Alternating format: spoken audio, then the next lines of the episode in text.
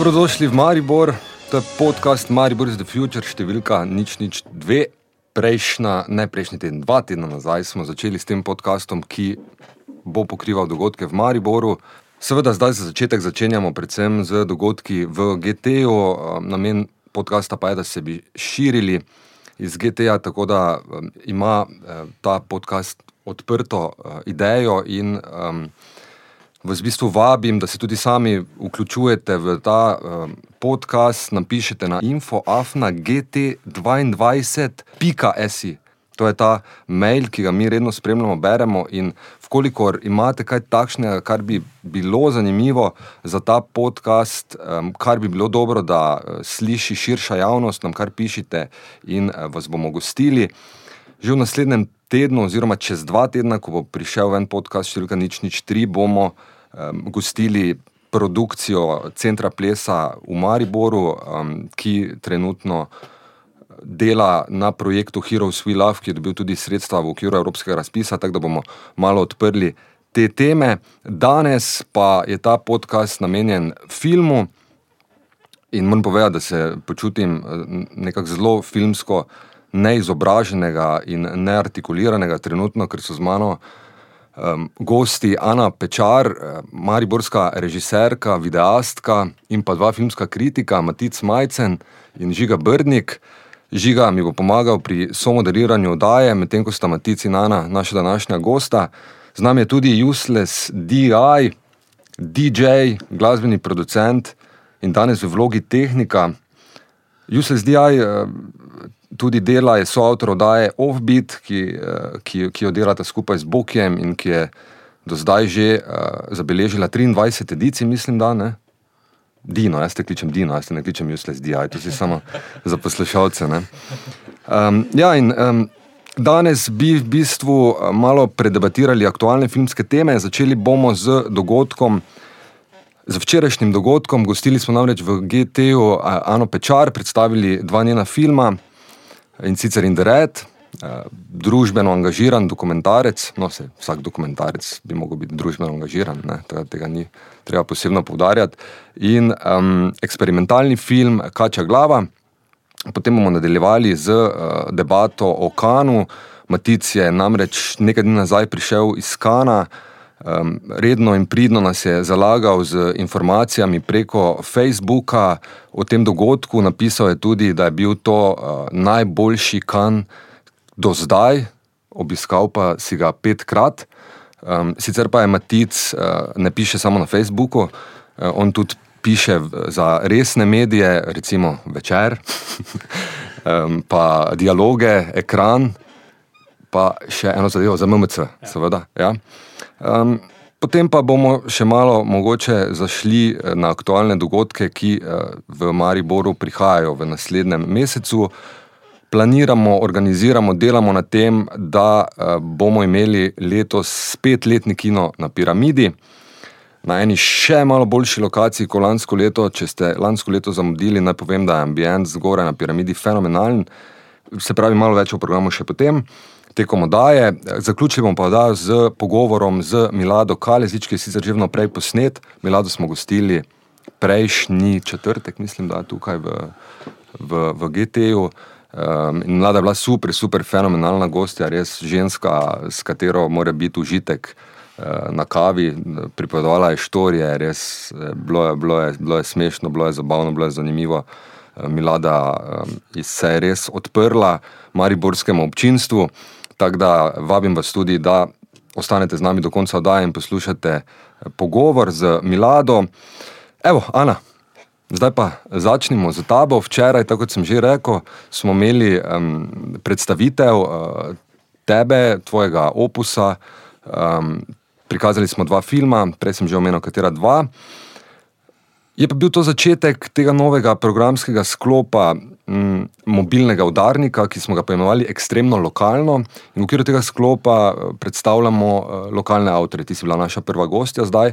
Ideja pa je, da um, izhajamo nekaj iz tega, da smo ugotovili, da sami sebe ne poznamo, sami, se, sami uh, svojih filmov ne gledamo um, in da posledično potem tudi sami sebe ne cenimo dovolj.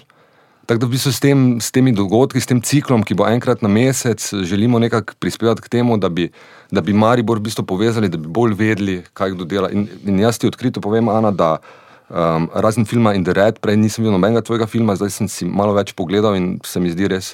Res super, da delamo na ta način, da se spoznavamo. Kako je bilo, recimo, tebi na včerajšnjem dogodku? Uh, fajn je bilo na dogodku, sploh me je presenetilo, ker zdaj trenutno ne bivam v Mariboru. Kako ste super zrihtali to klet? Da, intimni oder. Intimni oder, da ne, nič ni preveč, nobene de, nepotrebne dekoracije, ampak vsa ta tehnična uh, infrastruktura pa je vrhunsko narejena, tako da imate možnost manipulirati uh, svetlobo, zvok je bil super, projekcija je bila super. Uh, ravno dovolj intimen oder je, da, da ni ne prevelik, ne premali. Tako da smo ga včeraj tudi, se mi zdi, kar vredno zapolnili. Pa, kar, pa, kar pa razlagaš o, o tem, da drug drugega ne, pre, ne, ne, ne poznamo dovolj. Uh, jaz bi si recimo včeraj, včeraj je bilo vseeno, spet, spet je bila tukaj uh, Mariborska umetniška scena, pa so bili sorodniki, prijatelji. Uh, zanima me, no, mogoče bo naš naslednji gost uh, imel kak na svet, kako kak priti do širše publike. Ne? Želela bi si na nek način, uh, pač res tudi. Uh, Se mi zdi, da so to take stvari, ko ne samo da je dobro, da jih mi med sabo, seveda, poznamo, ne, ampak da, da, da postavimo neko normo, da je to res pomembna zadeva. Ne. Jaz mislim, da bi to nič ni, mislim, to je primerljivo z kakršnim koli gledališkim dogodkom. Uh, tak, bi, ali, pa, ali pa s kakršnim koli kulturnim dogodkom, na splošno. Ne, in, in, in, in imam res željo. Na to sem pač pomislila, ne, zato ker se zdaj pač prav posebej za to vozim v Maribor. Um, pa, bi, pa se mi zdi, da bi bilo bolj, boljše še, še to še razširiti. No.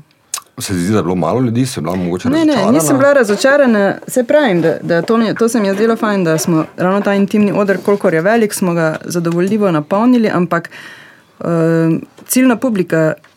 Mhm. Me zanima, kako bi, kak bi, kak bi še širšo ciljno publiko dosegli. Ne, ne samo ljudi, ki so dejavni na kulturnem področju, ampak vse zagotovo tudi ostale to zanima. Mhm. Mogoče je ravno podcast en od načinov tega, da med ljudi razširimo filmsko znanje, pomembno, da se o tem pogovarjamo. Ne? Definitivno, definitivno. Sicer um, pogovarjali smo se, da smo uh, dogodek, predstavitev tvojih filmov, eh, zelo hitro že začeli napovedovati, eh, precej se je širal po Facebooku. Um, tako da v bistvu se mi že zdi to nek korak naprej, kar se tiče promocije naših dogodkov, je pa seveda potrebno ja, še, še bolj uh, agresivno marketinško nastopiti. Ne... Ne, seveda, se, seveda se strinjam s tabo. Res smo tukaj, tokrat smo začeli en mesec prej. Um, Dali smo na Facebook moj obrazek, kar je najbolj palilo od vsega, e, ne bolj kot pa kakršna koli scena iz filma, to smo tudi pogruntali. Ampak je res bilo, mislim, to smo, to smo, smo se lotili dovolj hitro, ampak spet po Facebooku ne, ima GTN svoj krok, jaz imam en svoj krok ne, in smo spet po tem istem, o tem sem samo danes razmišljala, ne, da bi to bila neka kritika. Ne. Vseeno je bilo včeraj dovolj ljudi in vse o tem ne govorim, ampak pač razmišljala pa sem danes o tem. Uh, tudi v zvezi z današnjo predstavo, ki jo bomo delali, da bo spet prišel ta naš oži krok. Ne? In, in ne vem, kako prebiti tu ven, uh, brez nekih hudo, velikih sredstev, da, da pa bi vseeno res prišli do neke druge publike. Včeraj si predstavljala ta dva svoja filma, ki nekako najbolje reprezentirata tvoje delo. Mm. Ta dva si si izbrala. Mm kako bi en je ta družbeno ne, kritičen, tako kot sem prej govoril, drugi se bolj ukvarja z naravo, z, z vizualnim stilom. Malo um, ta dva uh, svoja sloga, ti, ti dve svoje usmeritvi pri svojem ustvarjanju predstavi, prosim. Uh, ja, to, to, sta bila dva zelo različna filma. En je bil čisto uh, klasičen uh, izobraževalni dokumentarni kratek film, 20 minut dolg. Eh, drugi pa je bil uh, ena postavitev, ki v bistvu bolj spada v galerijski kontekst. Ampak uh, včeraj smo se pogovarjali o tem, da mogoče, zato ker je en res deloval na, na razumskem nivoju, en pa na domišljijskem nivoju, da mogoče ni dobro, da smo dali oba skupaj, ampak potem kasneje je bil uh, feedback publike, da, da pa ta filma v bistvu sploh nista bila tako strašno različna, razen po žanru. Da en je v bistvu bil uh, zaprtost. Uh -huh v naravi, en pa svoboda v naravi. Ne. Sam to je bila razlika. Ker je prvi res na nek način govoril o nekem, nekih družbenih okvirih, uh, ki globoko zaznamujejo naše življenje zadnjih, ne vem. Par desetletij. Mhm. Ja, vidiš, da bi pa mogoče se malo iz tega navezal na tisto prejšnjo problematiko, ki smo odprli publike. Um, to je, um, tvoj slog je tak, ki ga širše občinstvo ni vajeno takšnih filmov skoraj nimamo priložnosti videti, ne, ne na TV-u, ne v, v kinih. In, um, tvoj slog je takšen, ki, ki pritegne to osko, že izobraženo, če lahko rečem, ne, ali pa osko profilirano uh, publiko. Um, te, kdaj mika zajadrati v bolj mainstreamovske vode, v take, ki so jih ljudje vajeni? Pa jaz imam ta idealističen. Um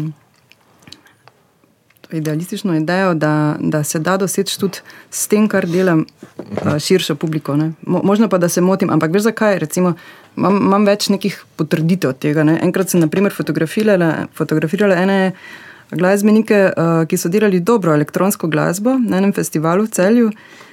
In uh, so hodili mimo mene ljudje, in zato, ker sem jaz pač tam od spredaj stala, so se prav, uh, eni so se prav res zgražali. Uh, in sem jaz bila pač tam tarča in sem to poslušala.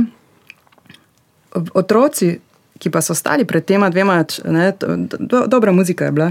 Otroci, otrok pa mama ni mogla stran odvleči, otrok je bilo pa vse polno tam od spreda. In to so bili pravzaprav, uh, mogoče ne dobesedno, ampak to so bili otroci teh istih ljudi.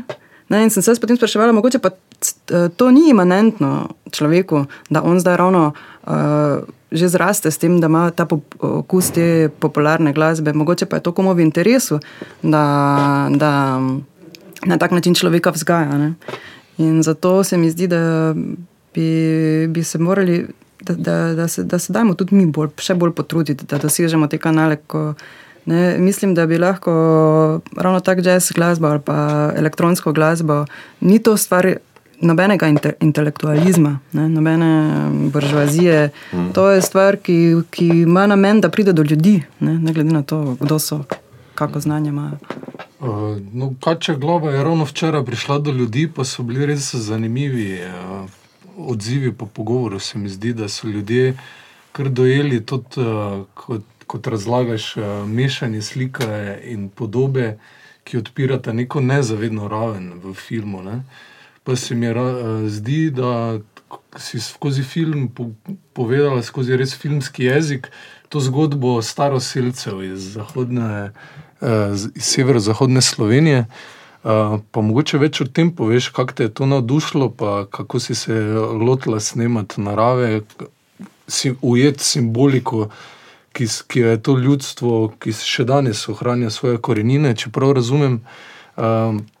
Predstavilo, oziroma je, v katero je verovalo. Ja, uh, to, to, to, to so stvari, ki me, moram reči, celo življenje zanimajo. Pa, pa nekako imam občutek, uh, mogoče po sebi sodim, ampak imam občutek, da to ogromno ljudi zanima. Ne? Zato, naprimer, otroci posegajo po, po drogah ali pa po nekih. Ne? Vedno, vedno, vedno, vedno te zanimajo neke ne, izkušnje, ki so izven uh, določenega toka, ne, v katerem smo. In, um, tukaj pa je nekaj takega, kar, s čimer se recimo jaz lahko najbolj identificiram. Ne, ne v smislu neke nacionalnosti, to sploh ne, ampak to je, to je v bistvu pripoved, ki, ki govori o tem, na kak način, kak, kakšen govor ima narava. Ne, ne, ampak ne v nekem romantičnem smislu, ampak v smislu. Da ti razumeš prostor, v katerem ne, da ti, da ti se ne obnašaš, kot da si zdaj ti se rodil in zdaj boš pa ti tisti, ki boš uh, diktira pravila.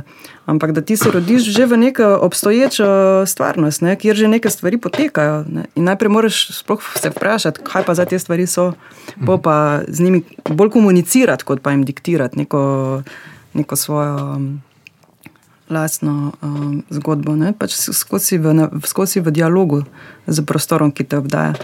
In uh, ti ljudje, ki so res do, do 20. stoletja se je, ta, se je to ustno izročilo ohranilo, kar je izjemna redkost. Ne? Mi smo mislili, da je to kačarstvo. Kačarstvo. Ja? To je pač en, ne vem, kako na tem rečem, ker je religija, zdaj spet malo prevozek pojem.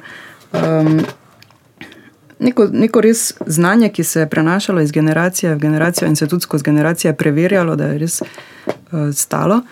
Um, je ostalo v tem prostoru do 20. stoletja, ne, kar, je, kar je, veš, da so vsi mislili, da je krščanstvo to izkorenilo. Ampak v tem prostoru so ti ljudje bili pa eh, še posebej primorani, eh, da so, da so te naravne zakone zelo dobro razumeli in z njimi v dialogu živeli, ker drugače ne bi preživeli, ker je tudi tam zemlja skopa, um, vode je malo.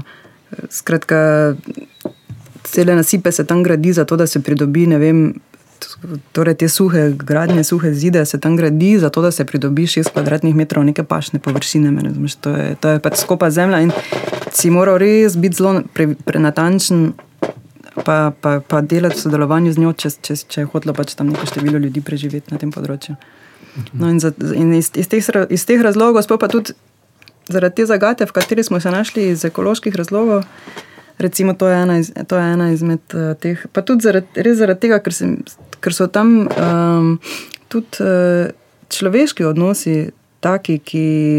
Za katere sem si jaz kot otrok predstavljala, da, da bodo vse povsod. Ker to so pač odnosi, ki, kjer, kjer ti ljudje govorijo um, resnico. Ne? Mislim, kjer te ljudje nočejo na, neka, na, neko, na neko finto vršiti, ampak pač normalno se pogovarjajo z ljudmi. Pol podpirajo te, da, ne, da hočejo pač najboljše od tebe. Ne, in tako so, tak so oni recimo v preteklosti živeli, ker tudi je bilo to preživetvenega pomena. In tako še na srečo, ne moreš verjeti, še tudi danes tam ljudje živijo. In zato, zato iz teh vseh razlogov me pač um, ti svetovi zanimajo že dolgo. Ok, Ana, mislim, da zdaj zadnja dva dni kar Facebook okupirali. Okay. Zdaj pa se ti mudi že dalje, te bo drugi. Dobro, okay. Danes boš predstavila svoj video v okviru dogodka, ki je posvečen Tomažu Brenku. Ja. Um, sicer ta podcast ne bo šel tako hitro ven, da bi lahko delali promocijo, ampak, Aha, okay. um, ampak uh, mudi se ti dalje, da se ti zelo zahvaljujem za. Za danes, pa za včeraj. Smo na vezi, upam, da priješ kaj, Marijo, na zajavi se, ko priješ, Marijo, is the future. Vem, vem, da je se zato, pa bom absolutno vedno prišel, da sem od tu doma, se mi sliši. okay, hvala. Hvala, srečno. Srečno, čau. Ja, zdaj se selimo iz lokalnega na globalni filmski trg. Matic, kak si ti poslušal zdaj eh, te teme, ki jih je Ana odpirala, ta eh, marketing, to resničnost, iskrene odnose, kak je to v, v kanu? Nasploh bi rekel, da je to zelo zanimiva tematika, ne? kako uh, umetniška vizija trka ob uh, neke komercialne zahteve. Ampak uh, moram pa reči, da bi bil izredno, izredno presenečen, kako pogosto slišaš, slišiš uh, izjave o finančnih stiskah, recimo tudi pri tistih najvišjih uh, filmskih ustvarjalcih, ki uh, res veljajo za največje režiserje današnjega časa recimo Charlie Kaufman, naprimer, uh, on se skozi pritožuje na tem, kako težko mu je dobiti uh, denar za nov film in se leta in leta matra, da posname film. Isto kakšen Guy Madden, ki ga je smatral za enega največjih režiserjev današnjega časa. Še celo uh, nekdo, kakršen je Jeff Nichols, naprimer, s katerim sem se pogovarjal v Kanu, uh, je rekel, da.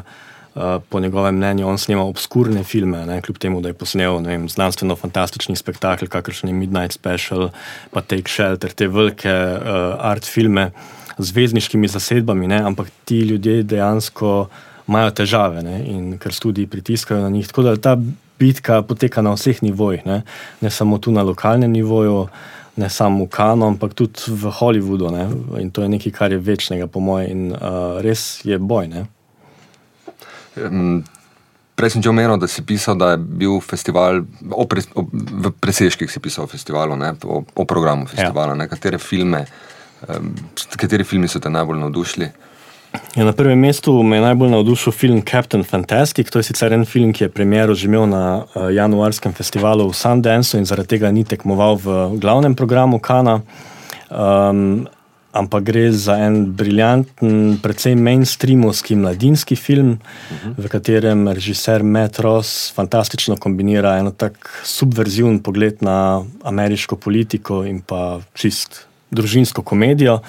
Uh, in Vigo Mortensen je tudi odličen v glavni vlogi družinskega očeta, ki svoje otroke vzgaja davč izven primeža mainstreamovske družbe, in potem so oni prisiljeni, da uh, grejo nazaj v mesto in se soočajo s temi dominantnimi smernicami in ideologijami. Tako da je zelo zabavno, pa tudi zelo subverzivno.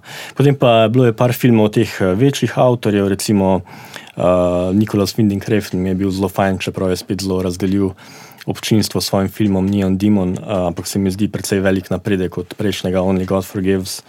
Uh, Paul, uh, potem Paul Verhoeven s filmom L, v katerem je Izabel Huppert spet uh, fantastična, pa Jim Jarmusch s filmom Peterson, v katerem Adam Driver igra voznika avtobusa, ki je v enem pesnik in preko svojih dolgih voženj z avtobusom podoživlja ta svoj notranji svet. Res je eno tako unikatno delo. In pa tudi nemški film uh, Tony Erdman, režiserke Marena Ade, ki je veljal za glavnega favorita za Zlato palno, pa je potem ni dobil. Uh, to so v glavnem ti filmi, ki so bili nekako najboljši.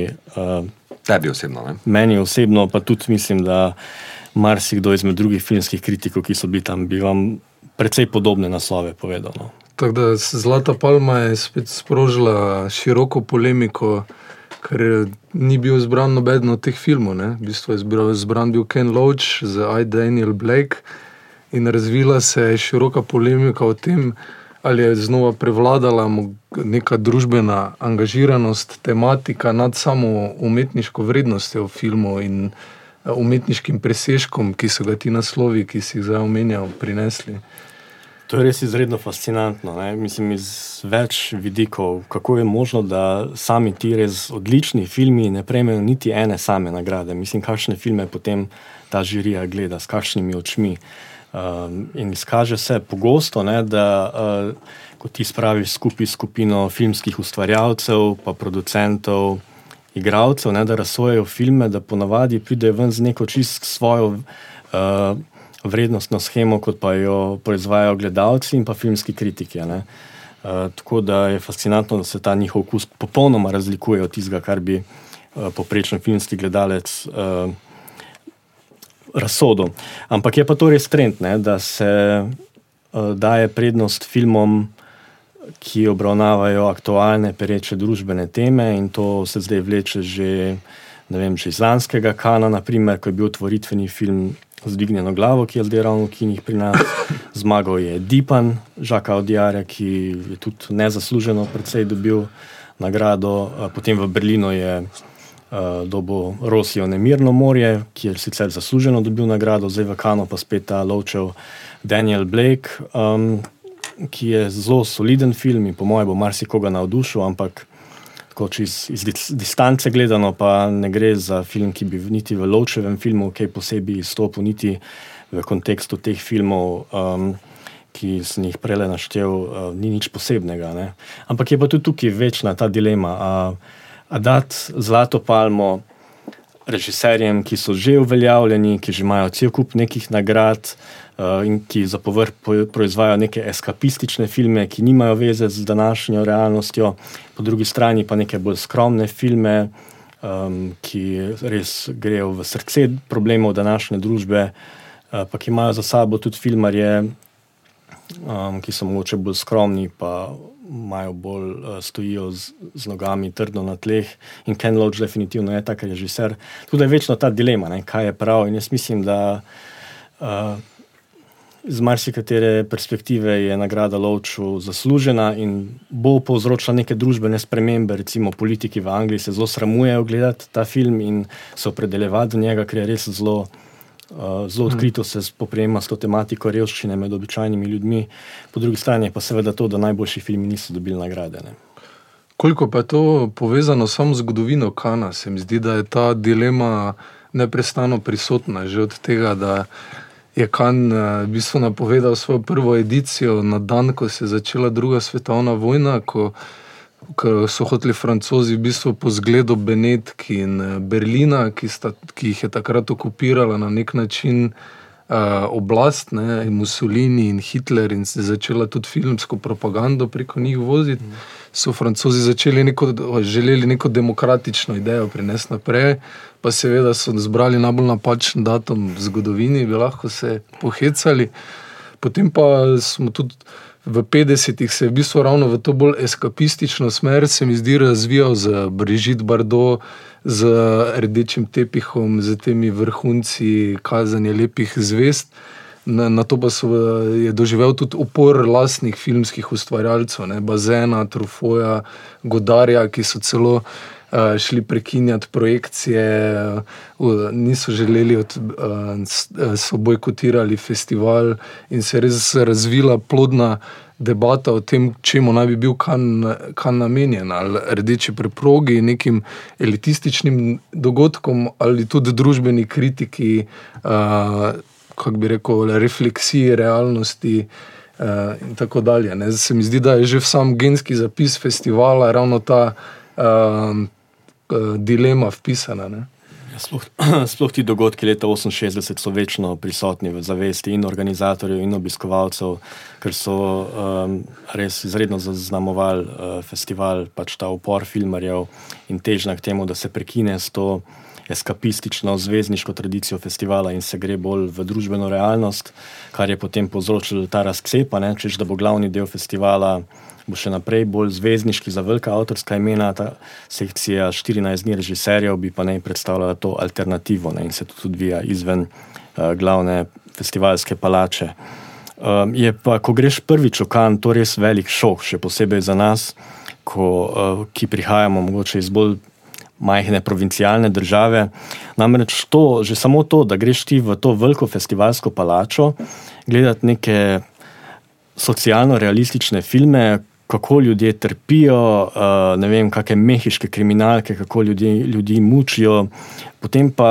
Uh, 50 metrov pod tabo so parkirani najbolj luksuzni avtomobili, uh, kar jih Francija premore, in po, kan, po kanu hodijo res bogataši, vsi lepo oblečeni. Mislim, uh, ta trg dveh svetov je. Ne? In ravno Kena Loča so potem na zadnji novinarski konferenci vprašali, kaj si misli o tem, kaj pomeni predstavljati film. Eh, v takem okolju, kjer vendarle vlada nek bližnji pomp, pa bogatstvo.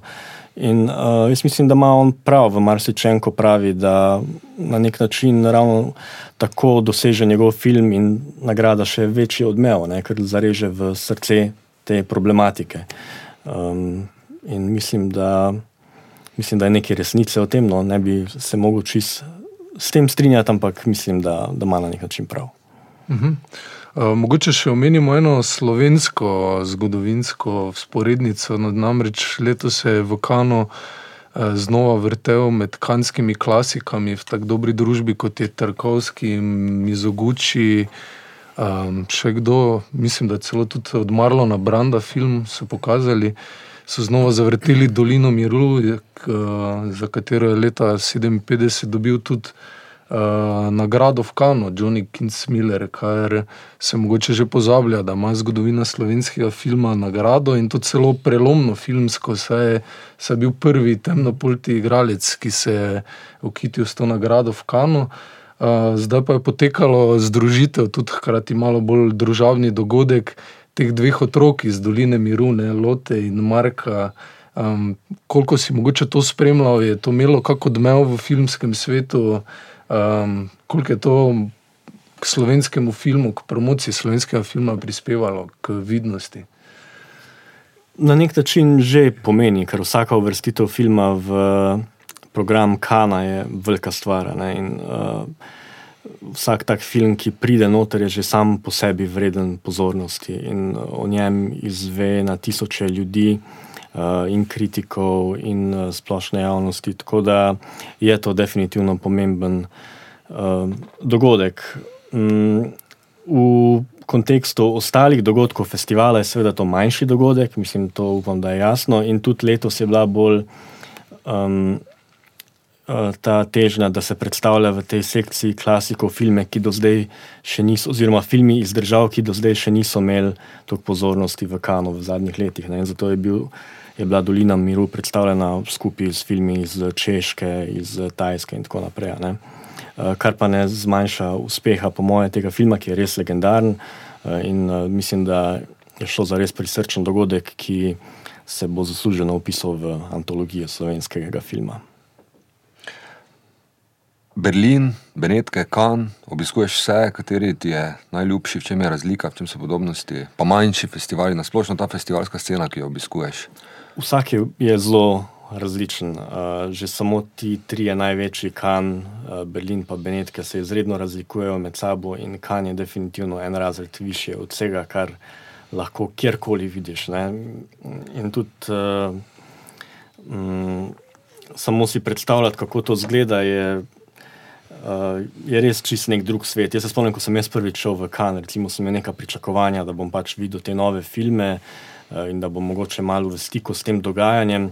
Potem pa, ko prideš tja, pa vidiš, da uh, si dejansko v samem srcu teh uh, dogodkov in da vidiš te zvezdnike in filmske ekipe. In to je res fascinantno za nekoga, ki tle v Sloveniji, recimo, nikoli, nikoli tega ne vidi. Ne? In potem to približno zgleda tako, da ne vem, na novinarski konferenci spremljaš uh, Igija Popa, pa Džima Džarmuša, pa greš poslušati Williama Fritkina, ki da predavanje zvečer, pa sediš par vrst v kinu stran od Katy Perry. Mm. In, uh, to je malo drugače kot v Portorožju. Ja. Uh, ne, da bi rekel, da Portoroški festival ni pomemben za nas, ampak uh, hočem samo reči, da je to preprosto. Vrh te filmske industrije, kamor vsi pridejo, in uh, res se lahko ogromno, predvsem tam naučiš. Uh, Um, kar se tiče pa manjših festivalov, pa mislim, da nasplošno imamo festivalov danes preveč in da se to tudi izrablja v marsikakšne namene. Recimo to, da se nagrade iz manjših festivalov uporabljajo za to, da se uh mhm. -huh. promovira filme kot boljše, kot v resnici so. Uh, tako da jaz sem bolj za to, da, da bi imeli. Moče malo manj festivalov, pa da je bilo več pozornosti na, na tistih, ki so res bistveni. Koliko pa so ti zvezdniki mogoče dostopni v kanu, kako to zgleda, jih lahko samo vidiš, ali so tudi na voljo za pogovor, za avtograme, so v stiku z oboževalci. Čist odvisno, kakšno srečo imaš. Um, ponavadi, če hočeš dobiti avtogram, to načeloma ni nek problem. In je dokaj enostavno, in se tudi sam ja, udeležujem takih aktivnosti. Zbiraš avtograme? Uh, ja.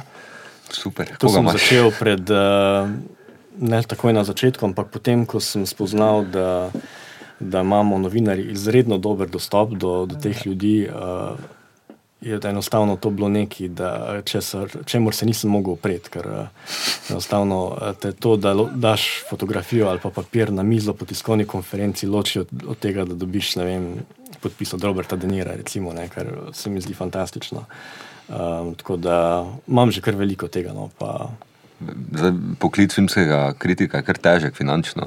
Bi se dalo te avtograme moče prodajati potem? Ja, v bistvu to je eden izmed načinov, uh, kako jaz pridem do sredstev, da sploh hodim na te festivale. Um, in ker mislim, da je vsem jasno, da kot freelancer, filmski kritik, absolutno ne moreš zaslužiti to, da, da bi uh, se dobro preživljal, kaj šele, da bi hodil na vse največje filmske festivale. Tako da uh, uh, mi je to postal nek uh, kot prvo hobi, kot drugo to pač avtogrami in uh, zbiranje raznih uh, filmskih in glasbenih predmetov, kot drugo pa seveda tudi to, da uh, si lahko s tem povrneš tudi stroške potem uh, odhoda na filmske festivale. Ja, to je zdaj čist blekno, nisem vedel, da dejansko ti to prodajaš potem. Komu pa, kako to poteka ta trg, prek Bauhe ali kako? Ne, uh, na eBayu. Na eBayu, mislim, v Sloveniji je jasno, nihče tega ne bo kupil.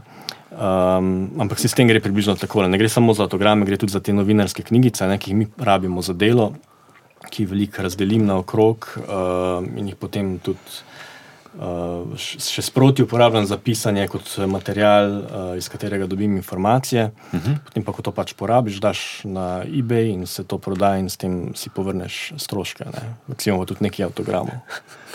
Kaj pa so cene? Je ja, čisto odvisno, koliko uh, za želanje predmet. No, na, najvišja cena, po kateri ti je ratalo kaj prodati. Rekl bom to, da poprečna cena za kakšno novinarsko to knjigico, uh, ki so res lepo oblikovane in so zbirateljski predmeti, ker so dostopni samo na festivalu. Ne? Jih ni možno kupiti, uh, recimo 15-20 evrov, za kakšen avtogram pa recimo 40. No. Aha, aha. Zdaj, če pre, preidemo malo v šali, malo za res. Eh, V GT-u želimo v času festivala Lent, oziroma malo smo se hecali, gostimo v bistvu največjo divo slovenskega filma Milena Zopančič 29. junija, ne, lahko bi rekli skoraj slovensko Brigitte Bardot ali kaj podobnega. Gostili jo bomo na terasi tukaj nad festivalom, spodaj bo na stotine ljudi. Kaj misliš, lahko s tem konkuriramo Kano? Je to primerljivo z kakim kanskim pogovorom? Pa... Povej, da te zanima, če bi lahko prodali avtogram od Melina Zapančič. no, pa ne, to bomo pol na koncu. Pa jaz mislim, da so ti dogodki izredno pomembni za slovensko okolje. No? In da tukaj v Mariboru, uh, kljub vsem turbulentnim dogodkom, še naprej zelo dobro delate. In se mi zdi fantastično, da se ti dogodki odvijajo, ker so pomembni. No? Mislim, itak, da ne morajo biti pomembni na nekem svetovnem ali pa evropskem nivoju, ampak. Uh, za naše okolje so pa, po mojem, neprecenljivi. No? In, uh, in mislim, da, da bi mogli posod po Sloveniji imeti take dogodke. In me veseli, da kultura v Mariboru, kljub institucionalni nepodpori, še naprej živi tako, kot uh, za kar skrbi ravno ta, taki dogodki. No? Mm, kaj bi ti mogoče v taki situaciji, Milena Zupančič, vprašal? Ali si že imel mogoče z njo intervju, imaš kak na svet? Ne, nisem imel, ampak eh, kar bi jaz naredil, je definitivno to, da bi se izredno poglobil v njeno kariero um, in da bi jo poskusil presenetiti s, kakšno, s kakšnim detajlom iz uh, skrite in pozabljene preteklosti, kar ponavadi najbolj učinkuje tudi potem, da dobiš kak uh, dober odgovor, kot tudi sam veš. Mm. Kateri film Milenin bi izbral? Ne vem. Uh, težko rečem, ker res, ona je ena izmed teh legendarnih igralk, uh, kot so tudi v tujini, kar so za ameriški film uh, Marlon Brando, Robert De Niro. Imamo pri nas, naprimer, uh, v, v slovenskem filmu Mileno Zopančič, ali pa kar je v svetovnem filmu. Uh, Ne vem, Greta Garbo ali kaj takega. Mislim, je ikona, ne? dejansko je ikona in uh, Uh, ne vem, če bi ona postala taka ikona, če bi imela samo en dober film in če bi se zdaj pogovarjali o samo enem filmu, ki bi ga bilo vredno izpostaviti. Um, tako da mislim, da je njena karijera kot celota fascinantna in tudi to, da je še danes aktivna, pa da, um, pa da jo lahko še danes občudujemo, pa da nam pripoveduje svoje zgodbe iz preteklosti. Tako da upam, da bo tudi na tem dogodku povedala, da so zanimive stvari. Je sploh mogoče zanimivo v luči, kar je povedala na zadnjem pogovoru Milada Kalezič, da v bistvu v slovenskem prostoru filmskem je za neko filmsko igralko izjemno težko ustvariti filmski opus, ker namreč, ko si eh, mladenka, mlada igralka, te filmari takoj pograbijo, ko potem zanosiš, te pozabijo in pride naslednja mladenka. Tako da v bistvu v slovenskem prostoru razmiljene zopančič, praktično nimamo neke igralke, ki bi se lahko pohvalila v sodobnem času z takšnim filmskim opusom. Ne. Govorimo o 80-ih filmskih in televizijskih naslovih. Res je, ja. ampak to je isti problem tudi v svetovnem filmu. Mm, uh -huh. uh, ker uh, ker še posebej v Hollywoodu, ne, ko se igralke postarajo, pač uh, ne dobivajo več takih vlog, ali pa sploh ne dobivajo vlog. Ampak mislim, da se to spremenja. V uh, Berlinu sem delal intervju z to igralko Edith Skop, ki je legendarna igralka, ki je igrala v filmu um, Oči brez obraza, Žorža Franžuja, to je ta legendarna grozljivka iz leta 1959. In ona tudi, podobno kot Milena Zopančič, še danes igra v filmih in to precej intenzivno. In pravi, da, zadeve, da so se spremenile zadeve, ker takrat v 50-ih letih so res na vse mlade igralke gledali kot na lepa dekleta, ki se bodo čez 5-10 let upokojila, ko ne bodo več tako lepa, kot so bila. Uh, ampak ona pravi, da potem postopoma uh, so začeli prihajati tudi filmi za starejše igralke. In vemo, da je danes v Evropi zelo močen trend filmov o starejših. Mm. In da je to vse opazne, tudi zaradi tega, ker se prebivalstvo stara na nek način in uh, bo tudi popraševanje po takih filmih večje. Tako da jaz mislim, da definitivno je upanje in da se zadeve tudi v tem smislu premikajo na bolje. Mi bomo en milen film, zdaj ni še dokončno zbran, mislim, da žiga. Ne, pardon. Kaj pomeni ta kašelj zdaj? Uh, nič uh, spontano izkašljevanje uh, ob zadregi, ker še nimamo zbranega filma za letni kino. Ampak eh, lahko pa poveš kaj več o programu na piramidi, uh, ja, kot kurator programa. Ne? ja, v bistvu bo. Trenutno se debatira, ali bi dali malo bolj popularno komedijo od Milene Zopančič, ali bi dali moj ata socialistični kolak, ki jo je v bistvu že videla cela Slovenija, ali pa malo bolj zahteven umetniški film, v katerem, um, katerega so v bistvu vsi pohvalili, vsi filmski sladokusci, tudi njeno predstavo v njenem vdovstvu, Karoline Žašler. To je ta dilema. Je pa za letni kino tudi uh, treba um, malo izstopiti iz nekega umetniškega filmskega sveta, vsaj delno, pa tudi uh, gledati na to, da je malo bolj dostopen uh, program, da je tudi ljudi malo bolj pritegne za kakšno komedijo, s kako bolj lahkotno vsebino. Ne na zadnje jih moramo spraviti na piramido, 15-minutna hoja. Tam, tam lahko probavajo domača, mariborska vina, tako da imamo tudi mi, eh, mogoče delček tega kana, uživanje v vinu nad mestom v slovenskem filmu. Uh, lahko, kaj še lahko napovemo? Probali bomo povabiti Žigo Virca z Houston, imamo problem, pa tudi njega pritegniti na kak podcast in na pogovor na piramidi. Uh, prikazali bomo tudi eh, filme, igralk, ki smo jih že gostili v okviru pogovorov ekstremno slovensko, tudi od Milade Kalezič, to so Gadi, potem bo Idila, lanski zmagovalec festivala slovenskega filma, kjer je igrala Nina Ivanišin, potem od Klasik je še v planu Kekec, uh, pa prikazali bomo še kaj, bi rekli. A, a tudi dva pogovora bodo potekala, če bodo igralke imele čas uh, z Katarino Čas in njenim novim filmom Prehod, pa sestri Zemljič bomo skušali privabiti na piramido, tako da bo zelo zanimivo, zelo intrigantno. Um, to to. Mislim, da smo bili kar izčrpni. Eh, Hvala ti, Matic, eh, da si prišel, Hvala vam posebej za to iz celskega. Ne? Upam, da še kdaj, ne? ko bo prilika, ko bo, ko bo kaj aktualnega, da se oglasiš. Um, žiga, smo še kaj pozabili, še treba kaj povedati. Ne, mogoče napovedati samo pogovor, da za pokušino pred pogovor z, pogovorom z Milano Zopančič bomo še zavrteli nekaj izsekov za preteklega pogovora, ekstremno slovensko z Milado Kalezič, ki, kot si že omenil, je res eh, vrhunska sogovornica.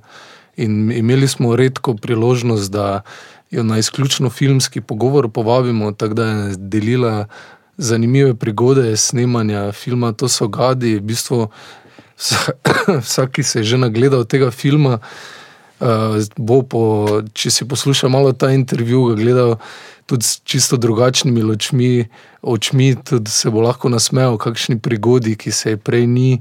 Uh, je pa tudi zelo zanimiva Milada z tega vidika, ker je v bistvu začela igralsko kariero z uh, tako odmevnim filmom, ki je v bistvu do leta 2003 veljal za najbolj gledani slovenski film.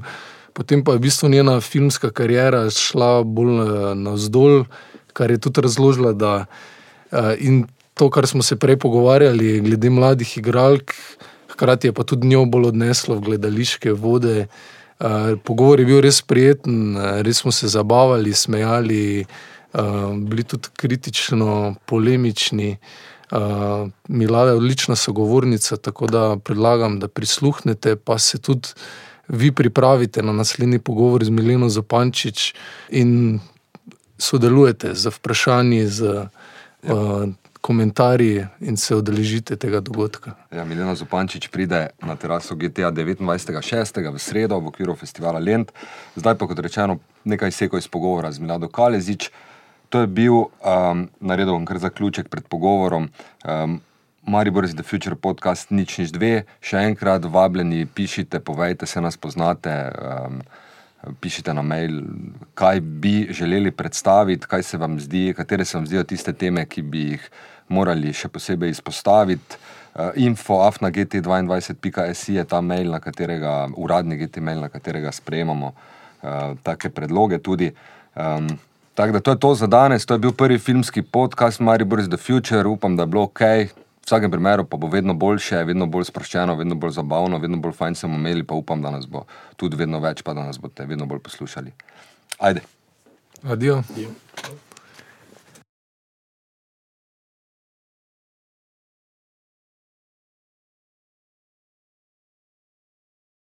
Sem vesela, da ste me povabili. Mislim, zdi se mi zelo nenavadno, ne, da sem tako kot gospa pred penzijo uh, gostja v taki alter sceni. Uh, ker sem zdaj v fazi, ali lahko, kot igralka sem v fazi, ali lahko predvojna striptizeta še kaj pokaže. Uh, tako da bodite prizanesljivi. Ne. Kar se tiče filma, to so gadi, mislim, nerodno mi je razlagati, kdaj je bil posnet, veš, ne. Uh, dobesedno sram me, da sem še živa.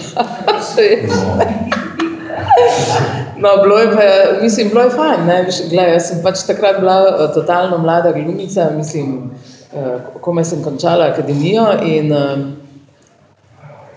v bistvu bi to morala igrati ena druga igralka, pol pa ne vem, kaj je bilo, da so se razleteli ti mladi asistenti po AGRFT, pa so vsak svojo nekako so iskali, ne, pa je meni en rekel od asistentov, kao idi tja, ne, pa šarmiraj režiserja, to se je vedno reklo, pol si pa prišel na pogovor, pa si si mislil, pa kako naj ga zdaj šarmiramo, veš, ne, kaj naj delam, konec koncev, ne. No in uh, moram seveda omeniti gospoda Belca, ki je, ker je to predvsem ta film, je dejansko njegova zasluga, res njegov labodi spev. In evo, uh, bil je star 60 let, ko je kot debitant posnel celovečerni film in vsi so takrat govorili, pa kaj, zakaj dajo denar temu človeku, pa, pa veš, da ne bo nič skupaj spravil, pa ima to kakega smisla, pa dajte nekemu mlademu, pa zakaj bi on to snemal. On je imel na televiziji ne vem, če se vi se tega seveda ne boste spomnili, starejši pa, uh, Meščan Urban, ene tak, takšne kratke smešnice televizijske. In to smo vsi zelo radi gledali. In je bilo res zelo uspešno in je bil v tem vrhunski. No in potem je rekel, da bi nekaj podobnega naredil, uh, vedno je delal te zabavne stvari, kot celovečerni film. No in se spomnim, da je bilo uh, kao, to zihar ne bo nič ratalo s tem, nekaj uh, in to, tako vzdušje čudno. No, pa pa kar pač začel snemati, pa je snemal, pa to, jaz sem po nekem čudnem slučaju dobila to vlogo, najprej me je tako čudno gledala, nisem mogla navdušiti, uh, pol pa je prišla maskerka, pa mi je dala neko krasno lasuljo, pa je naredila iz mene res neko bejbo, hudo, ne, in potem mi je rekel, je v redu, no, pa pa mi je dal to rolo, ne, in uh, ne vem, meni se je zdelo noro, bila sem takrat v Mariboru, ker sem bila absolventka, pa so povabili na snemanje na Vibo ob petih zjutraj, pa se meni zdelo, to mora biti neka napaka, se ne mogoče glumiti ob petih zjutraj, in sem zamudila in pol me, v tistih časih ni bilo mobitelov, se veš, snemalni dnevi so dragi in je prišla na naša vrata policija, miličniki, no. Če tu, ker so javili, pač miličnikom, naj jo poiščejo, naj jo takoj dajo na vlak in naj pride, ker snemalni dan je bil blazno drag, veš. No in jaz prijem v Ljubljano, či šokirana, moj oče je bil tudi šokiran in je rekel drugič, naj to drugače uredim, ker je vsa soseščina gledala, ne, kak prihaja policija in me pelje nekam. Tako da to je bil moj prvi snemalni dan in jaz sem potem sedela v tistem uh, stolu, kjer so mi pač so mi delali masko, pa to ne, in sem sem slišala, ko, ko je ona maskerka šla tja v drug prostor, da je rekla, je, je rekla, jaz ne vem, če bo, če bo ta to zmogla, pa kaj je s to žensko, jaz tako mrtvega bitja nisem imela v tem stolu, veš, ne. Ker eh, je bilo jutro in sem bila čisto zaspana, mislim, vrgli so te iz postle na vlak, ne, in šokirana, no in potem so me narihtali, No in prvi kader, ki sem ga posnela, je bil tisti, kdor se spomni filma natančno, ko jih pelje on v gostilno bučke jest, ne. In potem ti prideš na snemalno mesto, ne, kot totalni začetnik, nihče od kolegov te ne pozna, ker jaz, ko je bila akademija, smo bili letniki, ni igral nič, ker nam profesor ni dovolil. In sploh niso vedeli, kdo smo, veš, pač neka bejba je prišla, kaj zdaj z njo, vsi so me gledali, ne. In uh, tam pa nenadoma cvet igralstva. Na tem vogalu Boris Kavaca, tam Bert Sotlar, jaz sem bila ko Fata Winterspar, sem gledala, sem tam ovi, oni, sama velika imena, ne, ti pa dejansko niko in ništa, ne. No in potem so te posadili tam v Trnovem za tisto mizo v gostilni In vem, da je ta belc prišel, bil je moj prvi veliki plan, ko kao kavaco gledam tako ne. Nekaj v tem smislu. In je belc uh, sedel zraven mene, jaz sem bila v velikem kadru, tak, on je pa tako sedel zraven mene, je govoril, predstavljaj si zdaj union, uh, tema, ne, vsi gledavate, jaz sem vse, pa kaj se ti noro pameti. kaj mi zdaj ta govori, pa kaj je to, pa kak union, pa vse je bilo tako nenavadno, no potem sem se počasi navadila in seveda uh, vsi smo bili šokirani, ker film je res bil uspešen, ne. Evo, vidiš, tako je uspešen, kot da bi jaz posnela pet filmov, mislim. Srečujem, uh, srečujem kolege, pa rečejo, veš kaj, vsi naši otroci so gripo prebolevali ob tem filmu. Tako da vsi otroci to poznajo, seveda bolj razočaranje, ko kakšen otrok reče, veš, ona bi igrala Mary, poglej, Mary, ne. In zdaj seveda ti nimaš v njih lepih rdečkastih glas, ne, in potem otrok tako gleda, ne, in to je tako razbitje iluzije, ne, kar je pri filmu normalno. In evo, kaj naj ti rečem, dogodkov je bilo še pa još, ne, res je bilo um, fajn. E, morala bi se naučiti voziti avtobus, pa se nisem. In je bil tisti kader posnet tako, da je bilo konc kadra. Jaz sem bila takole, sem držala, kao vozim, ne, tu je, do tu je šla kamera, tu pa on bogi revež se stiskal pri oknu, pa je tako pelal. Tako se te stvari posnamejo, ne, sem kao vozila, vozila, ne. In potem v unem kadru, ko se z enim od sinov tam mladih voziva s tistim uh, mopedom, bi ga jaz morala peljati, ne. In potem so me, jaz še danes ne vozim uh, ničesar, ne, Jaz sem čist zahojena gospa iz davnih časov, tehnika pa jaz, to sta dve različni stvari. No in se nisem mogla naučiti voziti mopeda, ker sem se vpili, ne, ne vem kaj že, kje naj nekaj, ne, in jaz to nisem sploh znala. In sem tako zdivjala skozi neko križišče, da res je bilo bej smrtno nevarno, vsi so se prijeli za glavo, no in potem so to spremenili, da on sin vozi, ne. In skratka, nisem se izkazala, ne, in uh, bilo je pa fajn, ne. Bilo je fino, ker je film postal uspešen, no, jaz kot zelo revna študentka sem bila vesela zato, ker sem si rekla, zdaj pa malo, da vidim ta life, ne, neki. In sem šla, v Ljubljani je bil takrat butik Krik, en tak starejši bodo vedeli, na Poljanski cesti, tam pri Poljanski gimnaziji. Lastnica je, vse pevke zabavne glasbe so se tam oblačile, ne. Res je, imela krasne obleke, material je kupovala v Angliji, pa veš, tisto hip, post-hipijevski stil, dolgo vse pa tako res lepo. No, in sem šla tja, ker kot študentka sem samo ob sobotah, ko ni bilo nikogar, šla po noči gledat, kakšno. Ko je vse to tam viselo, no, in potem sem si kupila nekaj stvari, uh, takrat je še bila stara juga, nekaj uh, kozmetike, uh, raznih oblek, tujih revij, in potem sem si naročila taksi in sem rekla, zdaj pa se moram odpeljati ko gospa domov. Ker jaz sem, ko sem uh, hodila na akademijo, sem sebe bolj videla v filmu nekega Bergmanovskega tipa, veš, dolgi kadri, tišina, ne, zelo zamorjeni filmi, ne. To sem si predstavljala, to, tu sem nekako sebe videla, ne. Zdaj pa nenadoma prideš tja snemat, pa vsi hočejo od tebe sem bila tako malo nervozna, nisem mogla, nekako sem z zadnjimi atomi, se mi je zdelo moči, našla v sebi ta lik, da sem prinesla to, pol zdelo se mi je naivno. Ta stavek, Jok vrate odpada, me je tako nerviral, sploh ti tega ne morem opisati, ker jaz sama sem južnjakinja in ta stavek govorijo samo moški, to je zelo tak moški stavek, veš. Tega ženske ne govorijo, ne. In sem ga skozi prosila režiserja, naj, naj neha, naj, da ne bi jaz tega rekla, ne. In je vztrajal in je vztrajal, ne, ne, to je važno. Tak je bil, veš, ves tak živčen, malo tako je znorel, če si kaj mu, ne. In potem sem morala in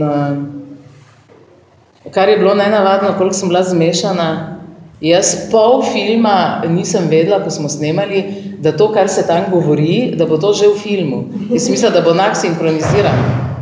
Pa sem si skozi mislila, eh, saj se ne rabim truditi, to tako ne bo v filmu, ne, pa bom potem, ko bom enak sinhronizirala, pol pa nekaj ujamem, da ne, ne, ne, to je to, pa sem začela igrati pol, veš, zgodba. Tako da skratka serija nesporazumov ene mlade igralke, ampak vidiš, imela sem srečo, ne, ker film je res v redu, no, veš kaj, glej, konec koncev je toliko igralskih legend tu noter. Ja, moja mati, ja, moja mati, ja, ne, niso se omehčali, moja mati je še koliko let, ko sem prišla iz celja, sem v Maribor, pa ona ni vedela, da to tako zgleda, ne? ko sem vadiš pač te svoje tekste, pa ure in ure ponavljaš, je nekega dne stopila uh, tako sobo, sem rekla, kaj, daj mi ti se vidi ven, moram ta tekst pa rec ti meni, hočeš ti celog života, da pričaš sama sa sobo. Zdaj rekla, glej, mudi se mi, jaz moram to, mislim, nimam zdaj živcev se s tabo meniti, ne, Uh, pol pa, ko sem prišla, najprej je bilo posilo, pa je rekla, aj sad, reci ti meni, hočeš ti konačno naći neki pošten posao. Jaz sem pa že bila 50 let stara, ne. Sem rekla, kakav posao, kakav pošten posao? Pa neka kancelarija, mislim. Ne? Sem rekla, pa kakva kancelarija, ne? Sad je kasno. Pa pa je skozi nergala, eto, eto, je rekla, da si neka gospođa, pa da odeš kod frizera, da imaš sluškinju, ideš tu gradom kot ciganka, vidi kakva si, mislim. Tako da to ni bilo za njih nič več. Tudi to so gadi, kar naprej se je to gledalo, vsake toliko je bilo po televiziji, je moja mati, ko so rekli, spet so gadi po televiziji, je moja mati naredila kao, au. Ko igralka zanosi, se razve v filmskih krogih, da je zanosila in potem deset let vsi mislijo, da si noseča, ne. ne? Tako da, ko sem rekla, jaz sem že rodila, ja, a nisi ti noseča? Moj frod je že bil deset let star, je še vedno kak rekel, a nisi noseča, sem rekla, pred desetimi leti, ne. Ja, pa a drugi, sem rekla, ne, samo enkrat sem bila. Hmm, mi pa imamo druge podatke. In sem rekla, No, tako da potem malo manj snemaš in seveda tako je, ne, jaz v tem filmu figuriram kot pač ena mlada punca in to je vedno na filmu, vsaj v Sloveniji je to šlo v valovih. Pride mlada punca, jo posnamejo, pride druga, na uno pozabijo, pride tretja, četrta, ne. Tak, tako da v bistvu je malo igralk, ki so res razvile en opus filmski, ne. To je v Sloveniji zelo težko, ne, skorajda nemogoče. Tako da sem se potem bolj seveda s teatrom. Pa moram reči eno stvar, da v glavnem je res bilo, ko sem premišljevala o sebi kot igralki, je bilo to gledališče. Uh, na film smo, nisem sploh razmišljala o tem in potem, ko se je nekako čisto naravno zgodilo, da sem prišla v poštev tudi za film, se mi je zdelo tako zelo nenavadno, no. Ni bila to moja želja, nekako Evo, zdaj smo recimo pri Nabrežniku snemali in to se je res težko navaditi, ker v gledališču, sploh če igraš veliko vlogo, nekoč so bile to tri ure dolge predstave, ti res razviješ lik in to je krasni igralski občutek, ne? ti ga lahko razvijaš. Začneš še, kot da ne vem, je to tako, to so ene scene, ne tako, potem pokažeš kar eno drugo barvo, potem uleti ena scena, mislim, s takšno blazno muziko, se začne horor, In je en razvoj, ne. zdaj recimo, evo, smo snemali pri Nabrežniku, dobro, to ni nekako prevelika vloga, ampak vseeno, smo snemali zadnji dve sceni. In veš, kak horor je to, prideš tam uh, v dvanajsto nadstropje, abdominalni oddelek, te vležejo v neko postlo, te pokrijejo ovno bolniško, ne, in zdaj kao umiraš. Še nisi nič posnel, si že mrtev, takoj prvi dan umiraš, ne, in je strašno, mislim, uh, uh, ne, moraš biti tip za to. Ne vem, sicer vse bolj je bilo fajn, a veš, ne, sem tam ležala, ne, potem sem bila malo tako zgrožena, ker sem morala biti dve uri pa pol tako, za on kader, če on snimal daleč, pa nikot se v okno je še tako v redu, potem pa, ker dve uri pa pol ležiš, se začne ti telo avtomatsko malo tak trest, pa veke, ne, pol vsi govorijo, ne se premikati, ti mislijo, če bi lahko se ne bi, a veš, ne, sam kaj naj naredim, ne. Potem pa gre kamera, tega sploh nisem, ker že dolgo nisem snemala, nekoč so bile kamere zelo statične, ne, samo na tirnicah, ne. Zdaj so pa razšravali zadevo, jo začeli na novo šravati, jaz sem kar gledala, šta je ovo. Na nek kran so jo dali in potem je kamera šla po meni, ki ležim, do obraza, veš, kaj je to grozen občutek, do obraza in potem kao se je dvignila, ne, na dva metra, kao moja duša, ne, odhaja pol gor. In sem imela zelo zopren občutek, če so oni to v redu zašravali, a veš. Ker se kar obrača, obrača, pol še un kamerman je skozi govoril, pa kako si ti to zašravkal? Ena, ena, ena razmišljanja, kaj sem vrtel, je to, da človeka nekaj tako znači. Ne? Zdaj, ko, ko, ko se je govorilo o družini, je že sam poklic. Ne? Uh, je nek citat z nekega filma, ki ga označi, je nek film, ki ga označi, Uh, pa se mi zdi mogoče malo stran od filma, ampak uh, pa tudi nek angažma uh, družben angažma, javno nastopanje, tudi to je Milada uh, v neki sferi, ki je zelo označena, vsaj kar bom rekel teh zadnjih 14 dni, ko se ve, da pride Milada Kalezič kot gost, se mi zdi, kako se umetnik človek s tem označitvijo skozi življenje ja. ne spopada, ampak Pa gled, sploh ne mislim o tem, ne. mislim, vi ste mi popolnoma nevažno, s tem se res sploh ne, ne ukvarjam. Ne. Itak je tako, ne, da če se ukvarjaš s tem poklicem, lahko misli vse, kar hoče ne, in to mora sprejeti. In pač naj misli, ne, zdaj, jaz sem vesela, če, misli, če mu je v redu, pa to ne, ampak seveda ogromno krat je tudi, eh, kar je normalno. Gled. Tako da mm, se v bistvu sploh ne spopadam, vse se mi zdi normalno in, in običajno in kako bi rekla, niti kaj pa veš, ta naša mala Slovenija. Ne. Vse je v bistvu nekako, eh, se mi zdi neusodno. No. Glej, jaz, ravno ko sem gledala te vaše prostore, pa to alter sceno, pa to sem uh, pomislila na se. Uh, moj, uh, moj moto, nekak življenjski, je bil zelo preprost, ampak nikoli ne bi imela poguma, recimo, delovati na alter sceni. Ne? Jaz mislim, da moraš za to imeti res blazen pogum. To sem pripričana. Jaz vedno rekla, uh, sam, da sem v neki službi, pa da ni važno, da dobim tisto plačo, ni važno koliko, uh, toliko, da se preživi, da potem jaz o tem ne premišljujem več. A veš, s čim bom plačala elektriko, kako bom živela. Pa magari nekaj, ne vem, ker takrat so še bila leta, ko se je dalo, ko je bilo v redu, pa so recimo rekli, pa kaj boš v tem celju, pa kaj si nora, pa so te vabili, gremo v Ljubljano, pa tam se da, pa nekaj let se je res dalo, ne. Je zgledalo, mislim, ni bilo tako uh, slabo, ni bilo vso v redu, se je dalo živeti. Ne, ne se rekla nikoli, nikoli, nikoli, ne. In, um, In sem dejansko sicer imela do svojega 43. leta res eno bedno teatrsko plačo, ampak meni se je zdelo to normalno. Sam toliko, da vem, da nekje stanujem, uh, gled, je pes zadovoljen, ja. da nekje stanujem in uh, pač, da nek denar je, pa da o tem ne premišljujem, potem sem se pa res lahko temu posvečala, a veš, svojemu igranju. Da bi pa jaz morala razmišljati, Ampak moraš biti tip za to, vse jih jaz precej poznam in zdi se mi krasno, če je človek takšen. Se v bistvu je to tisti nekak, bi rekla, pravi umetniški ne, pristop, da tvegaš, ker iz tega, ne vem, tudi ogromno dobiš, uh, da tako živiš, ne, da te tudi oblikuje na nek mogoče bolj kvaliteten način, s tem se strinjam. No, zdi se mi prav, da pomagam. Ja, to sem prebral tudi na gledališču, dosti ste zdaj prevzeli malo to vlogo, da pomagate mlajšim igralcem.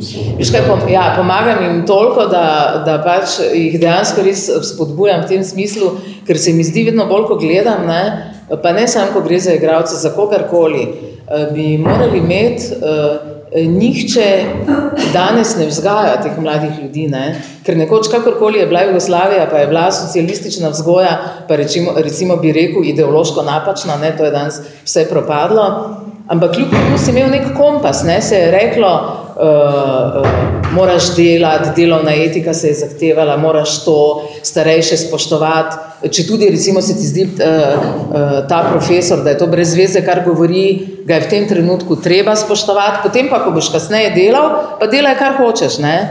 In uh, so nas res vzgajali nekako na ta način, bolj so nas pripravili na življenje. Ne? Danes pa se mi zdi, da teh mladih ljudi nihče ne vzgaja in da so tako prepuščeni nekemu res kaosu na vseh nivojih, tako kot je celotna družba. Da, da se mi zdi, da jaz edino, kar lahko počnem, je to, da, da, jim, da jim govorim, da ni vse tako grozno, kot zgleda, naj verjamejo vase, ker na koncu gled človek vedno nekaj naredi, zdi se ti, joj bi moral narediti to, karkoli delaš, pa bi moral tak narediti. Srekla, vse na koncu itak boš dal sebe, pa bo v redu. Itak boš naredil, sto procentno bo v redu. Ne? In ni se treba toliko sekirati in uh, mislim, da to, kar ta liberalni uh, kapitalizem zahteva od ljudi, da jih dela ne nekno uh, razrvane, nervozne, hektične, da jih v bistvu potem lažje izkorišča, da to res za umetnika ni vedno dobro. Mislim, za nikogar, ne? za mladega človeka to ni v redu. In nekdo bi mu moral povedati, da stvari niso tako sodne, kot izgledajo, da bo v redu, dejansko bo v redu. Ker življenje ima neke svoje zakone in če ti recimo, uh, vse vsak naredi, kar more, ne, vsak da sebe. Glej, to je že dovolj. Vse vsak človek je kvaliteta, vsak bo nekaj ponudil. Ni zdaj, da recimo nekdo bo rekel, ja, je zdaj trend, treba je to, treba. Ni res. Ne, sploh potem, če mine nekaj let, se vidi, da je bilo v redu in človek se ozre na lastno pot nazaj pa reče, glej, pa se to sem v redu naredil, čeprav je takrat zgledalo, ne vem, brez veze, ne fajn, pa se vidi, da je. In, no, jaz recimo vidim sam tu neko svojo funkcijo, da, da jih pač opogumljam, ker vem, da bi moral nekdo vedno biti zraven njih, da bi verjel v njih, da bi jim skozi govoril, gledaj, moraš verjeti, jaz verjamem, da je to dobro, verjemi, da bo dobro in, in že to je ta neka, neka, neka prava energija, to totalno verjamem in pravi pristop. Zdaj, če se kot igralec v vseh časih znajdeš, ne? kaj pa eh, se ugasne, da je igralec mladi? A ja to onda ugasne? Se ugasne. Pa ja, je že... Je kdaj čas, ko ni... Veš kaj, tak ti bom rekla, je že ugasnen v tem smislu, ne? Uh, ker prej sem rada imela takšne vloge, ki so bile odrsko ekspresivne, ne? Kao, a, vse je moralo biti na... Takrat se je reklo totalno gledališče, se pravi na pol v nekem transu, ne? zato se je toliko plesalo, da si tako tu na bitja v Afriki, una primitivna plemena, si prišel v neke vrste, se veš, ne? potem si kao imel feeling, da zdaj pa glumiš, ne? No, to več ne, ne, to več ne morem, ne. Um, to več ne, niti ne čuti, seveda ne čutiš več potrebe potem. Tako da zdaj v bistvu nekako uh, uh, najraje imam take einfach stvari, preproste, pa v bistvu najraje recitiram. Ne, tako da to mi je. E, celo ste povedali, da ste, se vam zdi, da ste odigrali pač vse, da nimate kot smislu kaj dodati svoji karieri, da ne čutite, da bi mogli še kaj odigrati? Ne, res sem vse. Glej, igrala sem v Hamletu Ofelijo, potem sem igrala Gertruda. Ne? Mm. Uh, potem uh, sem uh, igrala v krvavi svadbi Leonardovo ženo, potem pa čez leta mater. Ne? In potem, ko sem videla, da že začenjam drugi krok nekih istih tekstov, ne, sem ratala res slabe volje. Veš, ne. In potem moraš vedeti, da ko igralka v teh letih, kot sem jaz zdaj, jo dramatiki absolutno doživljajo kot uh, par šans ima, ali je bič, ne, hudobna v vsakem primeru. Uh, totalno hudobna, zlobna, same težave so z njo, V glavnem je tam zato, da, ja, da povzroča dramski zaplet s kakim uh, sranjem, ne pardon, besedi. Tako da res, ko sem igrala te vedno pač starejše gospe, teh sem si vedno mislila, oh.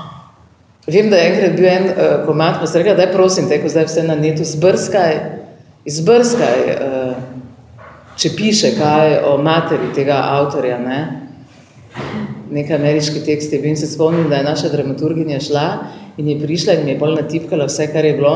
No, in je pisalo, da že leta ne govori svojo materi. Tako da bolj veš, kaj je pisal. Ne? In da mati ne hodi na njegove premiere in da vredno sam sliši, kot kako grozno je opisana. Tako da, tak da na koncu sem eh, par takih kapitalnih rol ne odklonila. Nisem jih odklonila, ampak prosila sem, eh, če je možno, da jih ne bi igrala res ker nimam nobenega veselja, da bi tri ure kričala na nekogar, ne? niti mi glasovno to več ne znese. In uh, mislim, težko govoriš te uh, hudobne stvari, ne? ker tako se reče, človek postaja to, kar govori. Ne? In potem z ozirom, da si pregovoril toliko groznih stvari že, ne? se res naveličaš. Pol pa si rečeš, veš tako tudi pravljici, ko ste bile dve kraljični, Uh, se spomnim, jaz te, ne vem, če se kdo spomni, slikanice. Ena je bila.